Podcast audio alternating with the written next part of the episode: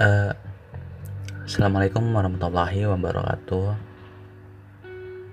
Eh, jumpa lagi dengan saya Riki di podcast Reminder Jurnal.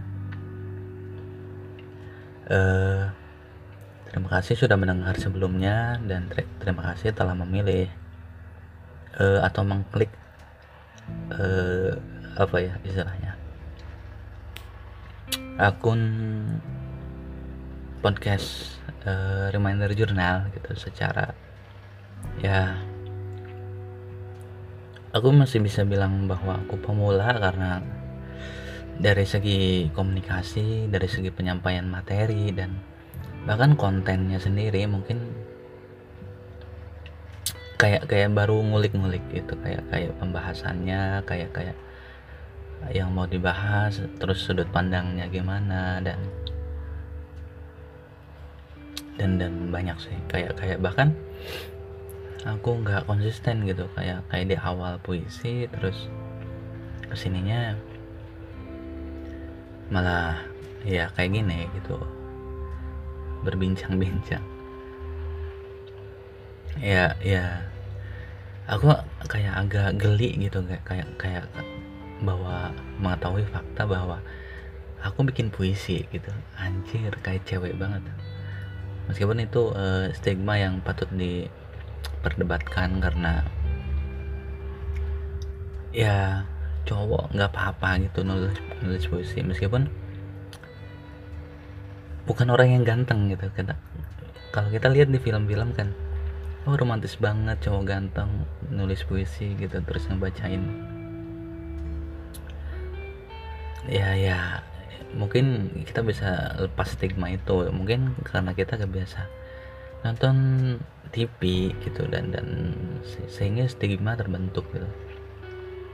Dan dan aku nggak mencoba untuk terlihat romantis dengan membuat puisi. M- mungkin puisi atau aku menyebutnya kontemplasi. Dan ya meskipun ada satu episode eh, bukan ceritaku sih. Ya aku kayak ngebacain eh, ya mengenai cinta-cintaan gitu dan geli akunya cuman ya ya apa salahnya gitu. Ya mungkin karena aku tipe orang orang yang yes man gitu. Apa-apa. Iya iya aja gitu. Di satu sisi ya kayak ya mau eh, apa ya mencapai eh apa, apa sih mau mau eh, sesuai ekspektasi orang lain gitu. Mau mau mau. Kalau mau mau minta bantu gitu oh dia berharapan kita ngebantu bantu gitu. Akan selalu seperti seperti itu.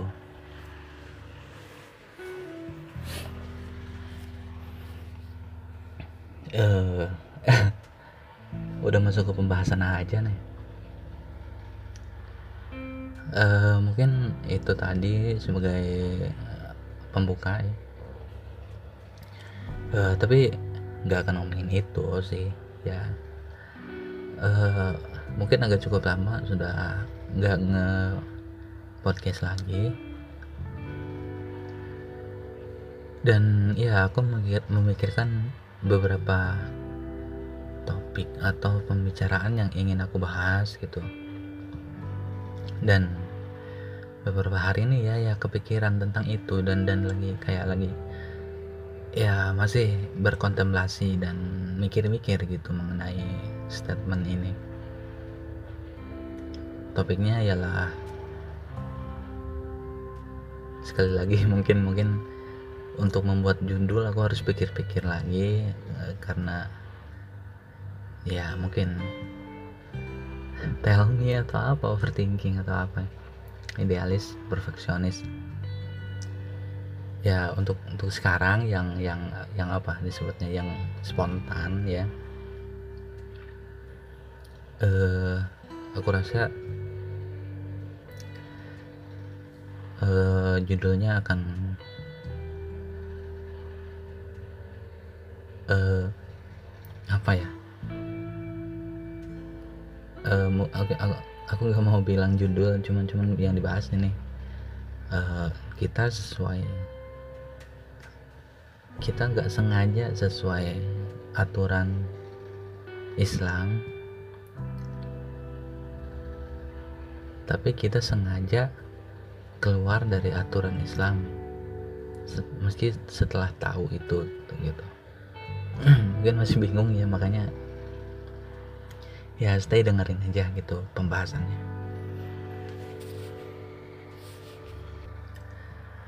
Uh, ya mungkin aku bingung harus mulai dari mana tapi ya itu sih. Ya aku punya pemikiran gitu gitu.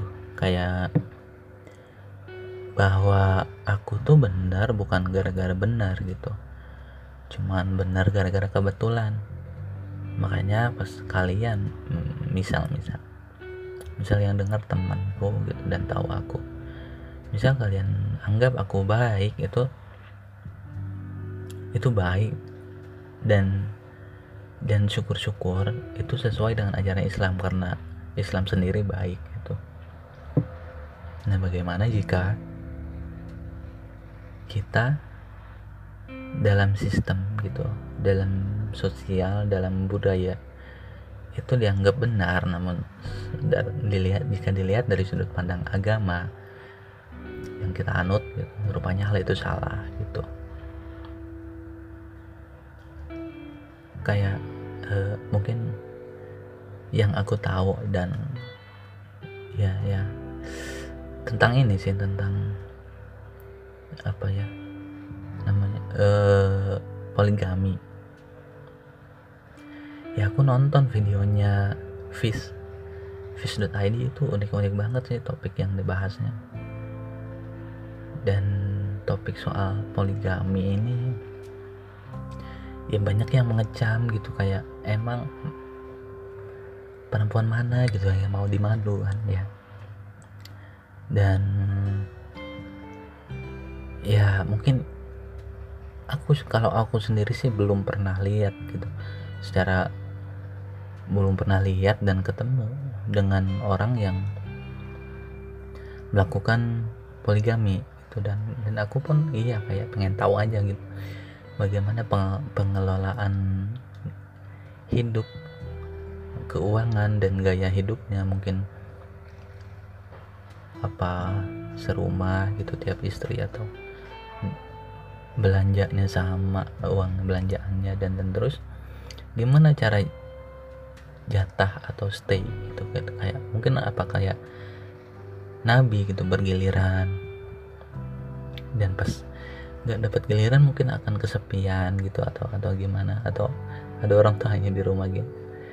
Ya kalau kalau punya kesempatan untuk ngobrol dengan orang-orang seperti ini sih banyak hal yang ingin aku pertanyakan gitu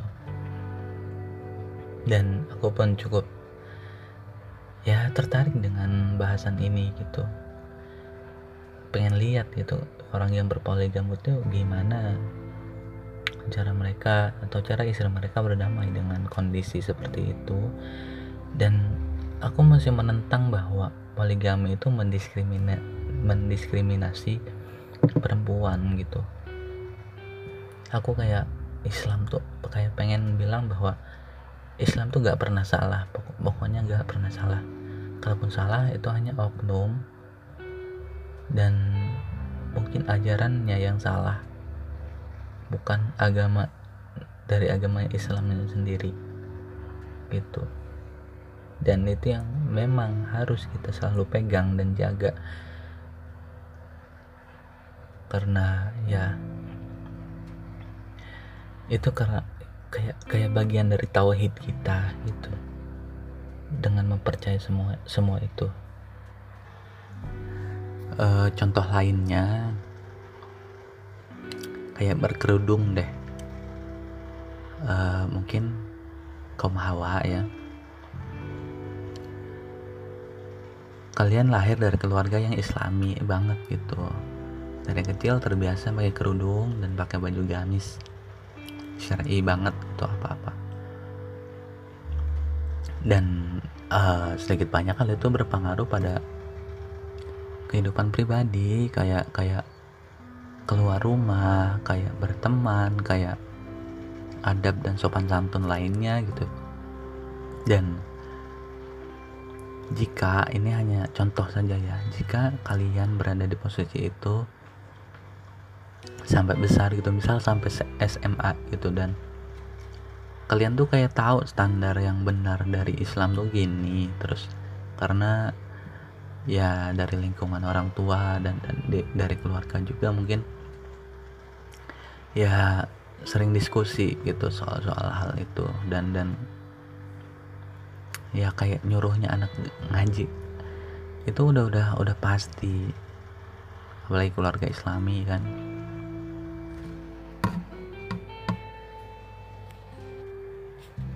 dan uh, ini ada momen. Misal kamu ya kamu jadi si cewek tadi dan dan kamu kayak ada sedikit benci uh, benci berbuat dosa. Bukan untuk diri sendiri bahkan bu. Bahkan ke orang lain gitu. Dan jadinya kayak kamu kayak judging terus gitu. Kayak orang yang nggak pakai kerudung kamu hina orang yang kayak ngomongnya kasar kamu sindir gitu di belakang. Terus orang-orang yang kayak uh, apa ya kayak apa lagi contohnya? Hmm, seksi seksi gitulah ya. Ya kamu gedek banget gitu. Nah di sana kayak ada sesuatu yang kayak perbedaan pandangan. Karena perbedaan keturunan atau gaya hidup dan keluarga dan didikan orang tua. Dan dari sana mungkin kita bisa lihat bahwa ahlak memang seharusnya yang paling utama untuk diajarkan bukanlah syariat-syariat itu yang diberikan uh, gitu informasinya. Iya sih kalau kita berpegang pada Islam dengan sebaik-baik Islam dan berkiblat pada tauhid gitu bahwa dan untuk mengesahkan Allah untuk untuk kayak oh kita ngelakuin ini alasannya ini filosofinya ini gitu kalau kita bisa gitu ya kayak kita lebih mengenali bahwa setiap syariat tuh ada ada hikmahnya tersendiri gitu. Mungkin ada yang bilang bahwa aturan-aturan Islam tuh mengekang bahkan nyindir-nyindir kaum Hawa yang bercadar gitu ya feminis lah feminis. Dan itu hanya masalah sudut pandang sih ya. Dan iya balik lagi ke setting tadi cerita tadi. Cewek dengan orang tua islami tadi. Ya seharusnya bukan harus berbangga dengan nilai yang mereka pegang gitu karena nilai yang ia pegang ialah kiblatnya berislam. Sementara orang lain tidak. Dan kamu mau mempunyai uh, keberuntungan gitu kayak kayak privilege bahwa kamu lahir dari keluarga yang islami gitu dan dan kamu harus mengetahui hal ini bahwa tidak semua orang yang seperti kamu gitu mempunyai kelebihan itu kelebihan fasilitas itu. Dan kamu harus menggunakan empati agar tahu bahwa oh si itu gitu ya karena gitu karena orang tuanya juga gitu gitu. Dan mungkin gak banyak ya mungkin kayak orang tua yang pengal tapi anaknya misal hafiz Quran kayaknya bakal ada aja deh yang kayak gini. Meskipun aku belum tahu uh, bahwa ada mungkin yang settingnya dalam dunia nyata seperti itu. Dan iya sih banyak. Hmm, uh, banyak yang bisa kita ambil gitu. Jika kita mengedepankan tauhid di atas segala sesuatu gitu ya aku sempat mikir bahwa uh, cinta Allah tuh ketika segala sesuatu kegiatan ataupun apa pun gitu yang yang justru membuat kita lebih dekat dengannya gitu lebih membuat kita ketergantungan kepadanya gitu. dan lebih dekat dengan Allah gitu itu. Jadi bukan kayak situasi yang ngebuat kita down situasi yang ngebuat kita happy terus. Bukan itu yang membuat uh, kayak cintanya Allah tuh bukan seperti itu gitu. mungkin jika kita kayak terlalu berleha-leha dan bersenang-senang mungkin kita telah dibiarkan gitu oleh Allah kayak istijroj apa istilahnya ya kayak ya udahlah cari aja di sana dunia gitu sampai puas. Dan kamu gak akan dapat jatah di akhirat nanti. Mungkin kira-kira gitu. Dan banyak hal sih sebenarnya eh, soal kayak apa ya kayak aku cenderung mencari informasi yang kayak menguntungkan diriku kayak mengangkat diriku dan kayak menyanjung diriku kayak misal aku introvert nih misal ya walaupun nyata ya.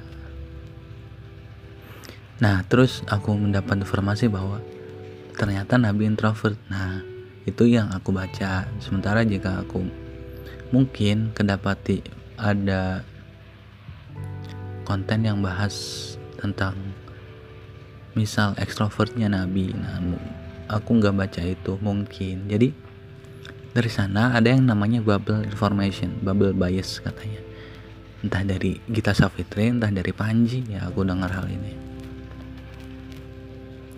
Jadi kita tuh masing-masing dari kita terjebak bubble bubble apa sih bubble information gitu jadi kita cenderung melihat membaca dan mengkonsumsi informasi-informasi yang memang mengarah ke menguntungkan diri kita gitu. Bukan kayak yang kita memilih gitu. Iya kayak kayak contoh politiknya ini dari Panji sih atau Kania gitu ya dari Geo Live dia bilang bahwa kamu tuh terjebak eh, bubble bias gitu. Kamu hanya deng mau dengerin informasi dari uh, caleg misal ada satu sama dua. Nah kamu cuma dengerin caleg yang kamu sukai aja misal nomor dua gitu. Dan enggan untuk melihat program-program yang dijanjikan oleh caleg nomor satu gitu. Dan makanya kenapa kamu kayak dapat uh,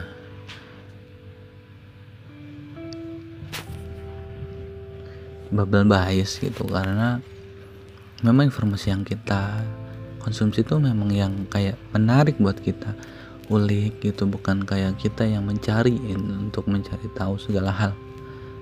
Ya kebanyakan gitu yang memunculkan stigma.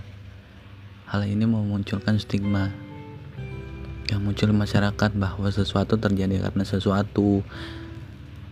Ada alasan sesuatu dibalik sesuatu dan hal ini kayak iya ini apa sih namanya eh kontra eh apa sih? Luh, lupa namanya yang yang si Nancy Judge itu. Apa istilahnya? Lu lupa. Lupa banget dah.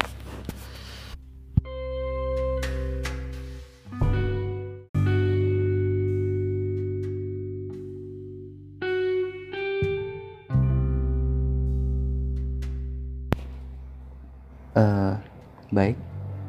Ini part 2 dari episode kali ini di terakhir aku sempat motong uh, kalimat kayak pertanyaan kontra gitu apa apa tadi tuh? Katanya itu loh uh, kayak apa sih ya masih lupa juga. Kontroversi bukan kontroversi. Ih apa sih? Uh, kayak kayak ini loh kayak teori bumi datar gitu. Oh ya baru ingat kepicu konspirasi. Uh, aduh. Uh, jadi jadi ya kita kita banyak gitu mengkonsumsi informasi yang kita sukai bukan yang benar gitu. Ya mungkin itu aja sih. Sampai situ dulu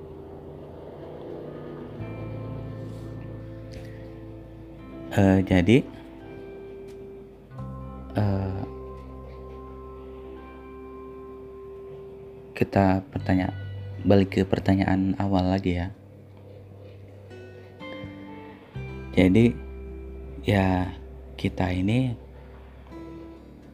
mau bagaimanapun terbentuk dari latar belakang, terbentuk dari keluarga. Bahkan yang aku dengar di podcast ya, eh, kan aku suka banget dengerin podcast gitu. Salah satunya ada Islamic, Islamic apa ya sejarah, Islamic Histories.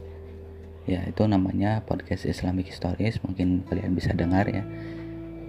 Dan Iya, aku dengar di salah satu episode gitu bahwa tokoh tokoh-tokoh yang bersejarah yang yang mempunyai peran besar dalam peradaban gitu kayak kayak apa sih? Uh, yang Konstant Konstantino Konstantinopel itu siapa sih? Salahuddin Al Ayyubi gitu ya? Nah dia. Nah, nah uh, Islamic Stories itu ngebahas latar belakang keluarga uh, dari um, maaf kalau berisik ya uh, ini direkam di waktu yang terpisah dan di pagi hari sih. Uh, oke lanjut. Ya jadi dia ngebahas bahwa dari tokoh penting tersebut rupanya dari latar belakangnya mereka berasal dari keluarga-keluarga yang berpengaruh gitu. Iya intinya aku ngambil banget itu sampai keinget sampai sekarang gitu karena iya itu latar belakang berpengaruh pada anak gitu apalagi jika orang tuanya kayak ya keislamannya tinggi dan soleh masya Allah gitu. Dan turun ke anaknya gitu. Ya makanya kita kayak contoh cewek tadi yang lahir dari keluarga islami itu itu fiktif ya. Aku cuma ngasih perumpamaan bahwa iya akhlak dan mungkin apa ya tauhid mungkin. Ya kita tuh cuman memeluk agama Islam tuh bawaan gitu bawaan lahir.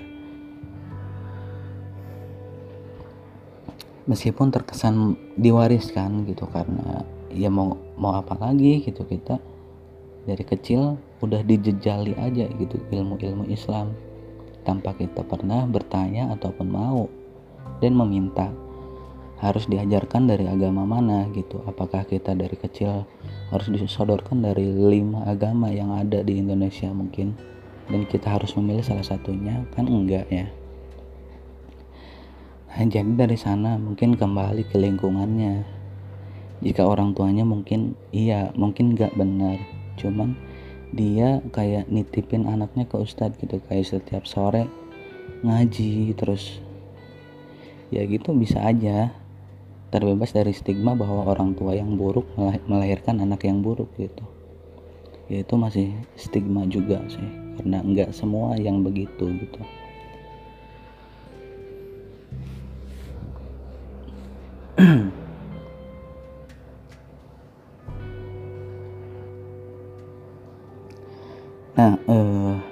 hal ini aku sadari ketika melihat apa ya melihat mereka yang berislam di luar negeri gitu kayak muslim traveler gitu. Kayak apa ya? Ya Gita Safitri sih intinya. Aku dapat banget hal ini dari Gita Safitri di mana? Kita bisa bayangkan jika kita menjadi muslim sebagai minoritas gitu. Di sana kita akan mempertanyakan identitas kita dalam beragama gitu dalam religion. Nah kita yang sampai sekarang berislam tuh menurutku mempunyai kewajiban untuk kayak mendalami Islam lebih dalam karena apa? Ya aku iri banget sama yang mualaf gitu. Mereka tuh berpindah dari sesuatu yang tidak mereka bukan mereka miliki bukan mereka inginkan gitu menjadi muslim gitu itu kayak aku ngerasa banget bahwa itu hidayah yang luar biasa. Karena kita tahu ya kalau kafir itu mungkin langsung masuk neraka. Dan untuk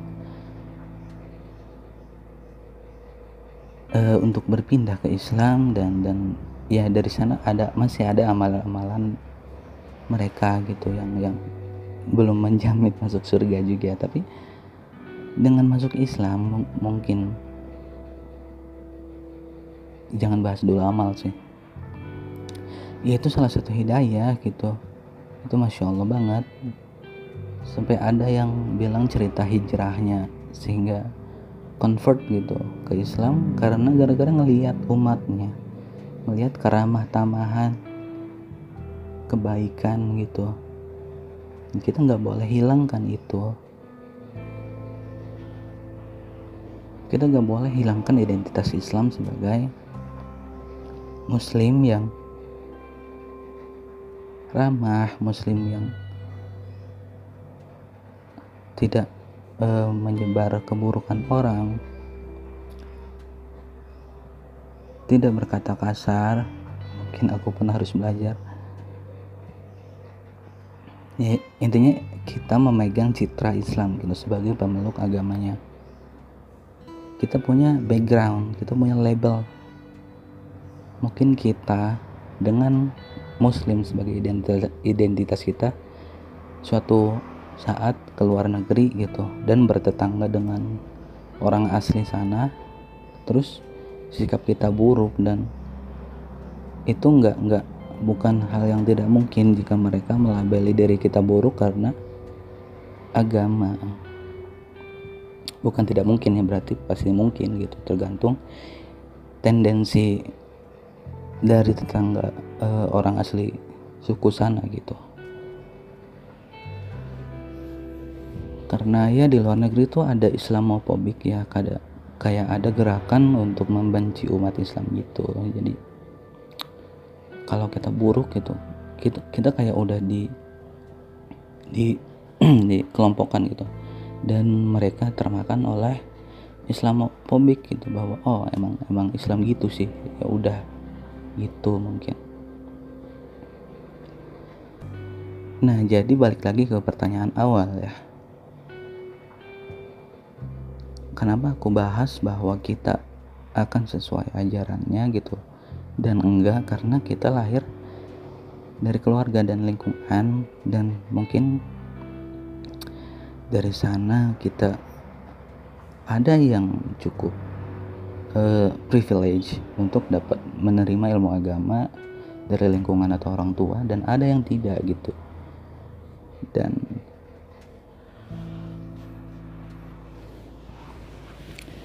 dan bukan hal yang tidak mungkin kita kayak menyadari kalau misal memperdalam agama lewat nonton ceramah di YouTube atau atau kesempatan-kesempatan lain gitu yang membuka membuka pikiran kita bahwa kita harus lebih baik dari ini gitu kita bahwa oh ternyata kita masih buruk dalam hal ini gitu. Bahwa dalam sudut pandang Islam itu kurang baik. Dan ya ini sih soal aku sendiri gitu ya bahwa aku masih menerima gitu kayak kayak ceramah-ceramah yang mendukung apa yang setelah selama ini aku lakukan gitu selama mungkin belum 20 tahun waktu itu. Karena aku dari kecil gitu dan besar menjalani beberapa ritual-ritual keagamaan gitu dalam hal amalan-amalan dan kayak untuk disinggung bahwa suatu tindakan atau perasaan itu salah itu kayak aku masih kurang terima gitu. Kayak misal aku gak bisa ngasih contoh sih.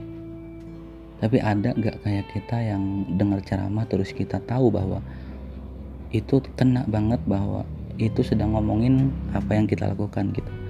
Bahwa itu sedang ngomongin kesalahan yang kita lakukan dan kita masih kayak kurang nerima gitu sampai kita cari dari ustadz-ustadz lain gitu.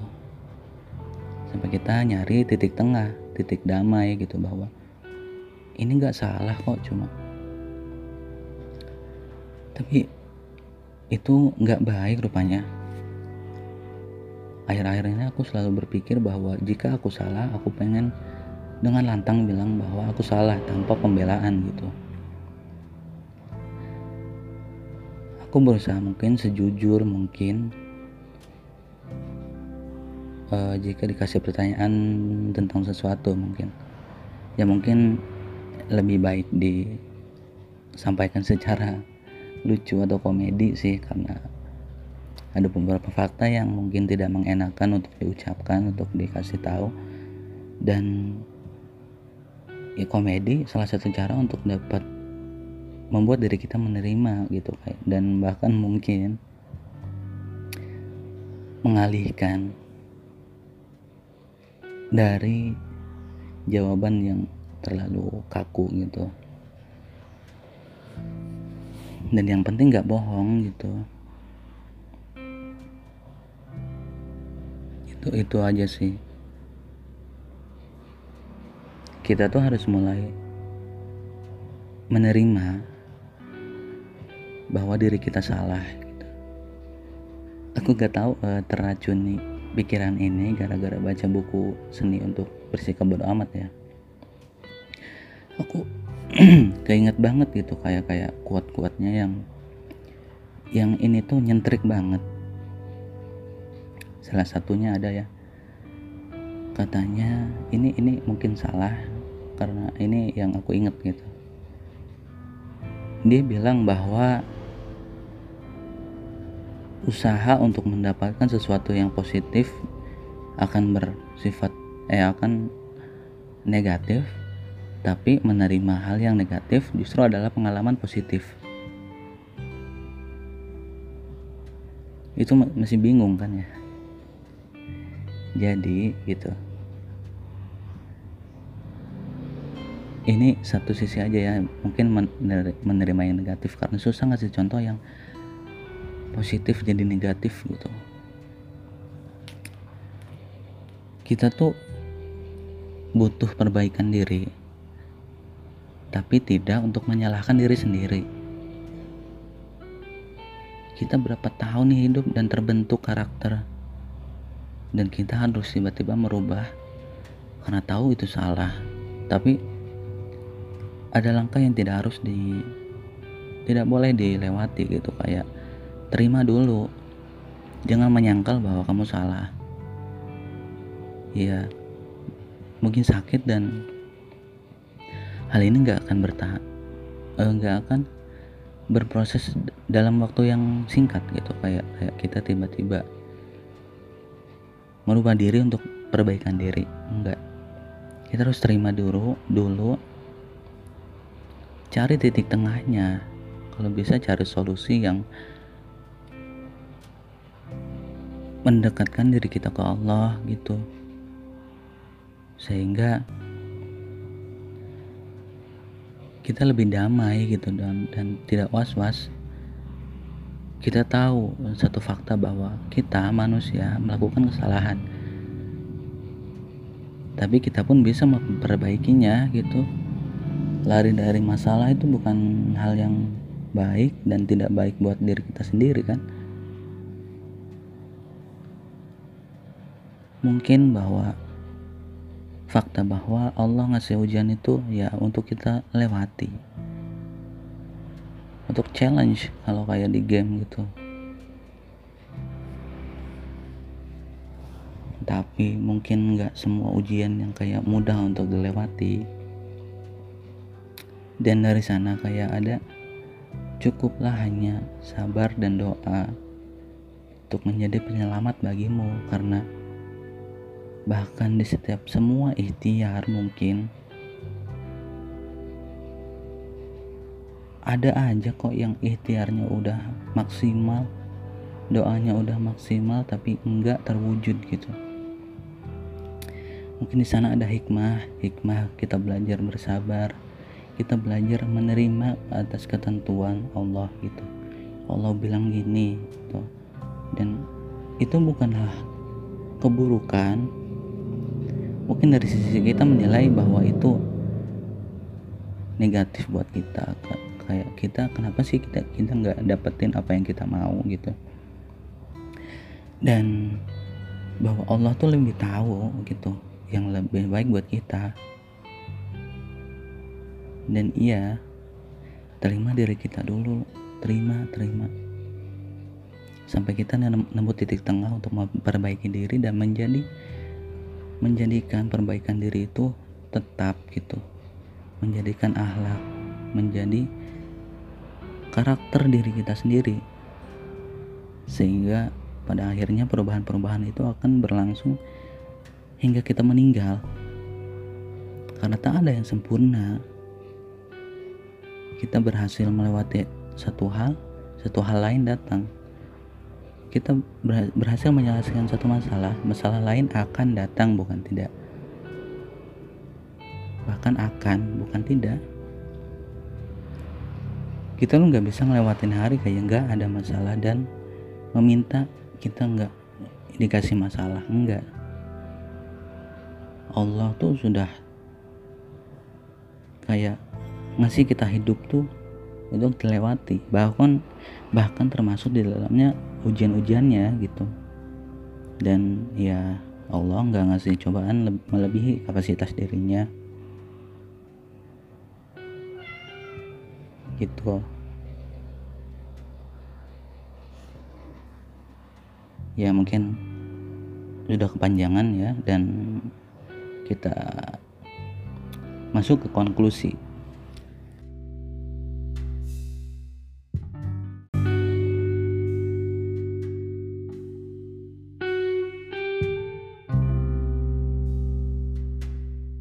eh, baik dari awal yang ingin aku coba untuk sampaikan bahwa mungkin kita terlahir tidak eh, tidak mengetahui fakta eh, gini kita terlahir dan mengetahui fakta bahwa diri kita belum cukup islami gitu. Dan kita di titik ini gitu ingin untuk memperbaiki diri karena bagaimanapun ya ada yang bilang bahwa di usia 20 dan seterusnya gitu kita tuh ada di titik bosan gitu bahwa kok gini kok hidup gini-gini aja gitu. Dan dan itu banyak orang lain lakukan orang lain banyak yang dirasakan oleh orang lain gitu karena kita akan terus hidup sampai mungkin berapa tahun mungkin 75 tahun mungkin. Dan untuk mengetahui fakta bahwa kita hidup mungkin akan lama atau tidak pada akhirnya usia akan bertambah dan waktu akan berjalan. Kita harus tahu ke mana kita akan menuju. Kita harus tahu apa yang membuat kita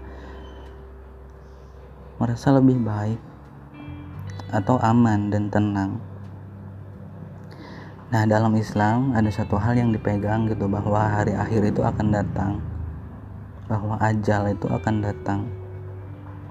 Namun dirahasiakan karena ya justru malah bikin stres kalau kita tahu kapan kita akan meninggal gitu jadi yang bisa kita lakukan cuma memperbaiki diri melakukan ibadah dengan kapasitas diri. Jangan dengerin tuh omongan orang yang yang nyakitin. Enggak kita punya masing-masing kok. Kita punya masing-masing kok amal-amalan. Kita boleh untuk saling menasehati namun tidak dengan cara-cara yang tidak islami jangan menghancurkan mental seseorang dan membuat diri mereka lebih buruk sehingga ingin lebih buruk.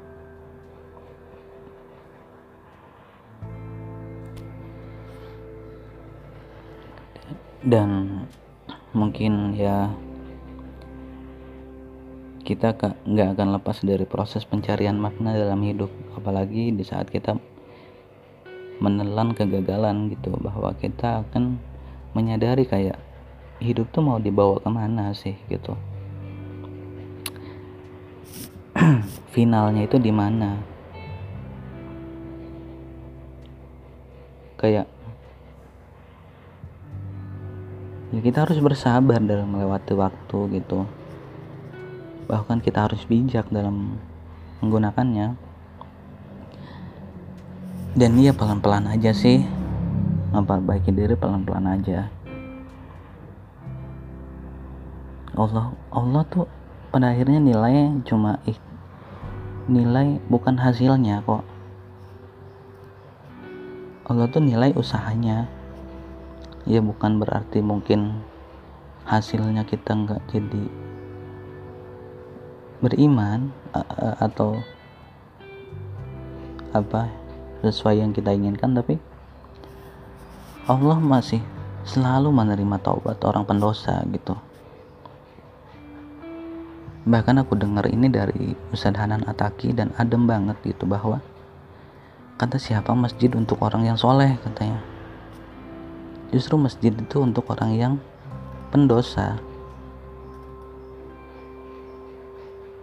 Justru malah ada kata gini Allah lebih mencintai pendosa yang rajin bertaubat daripada seseorang yang mengaku dirinya suci dan tak pernah melakukan kesalahan dan lebih baik dari orang lain. Dan itu benar-benar kena banget ke aku gitu. Aku jangan jadi pengen oh ya udah nggak apa-apa mungkin hari ini salah berikutnya jangan lakuin lagi lah gitu. Atau mungkin kalaupun akan ngelakuin lagi usahakan untuk berpikir bahwa ke depannya nggak akan ngelakuin lagi gitu dan ini akan selalu berproses hingga kita meninggal mungkin ya.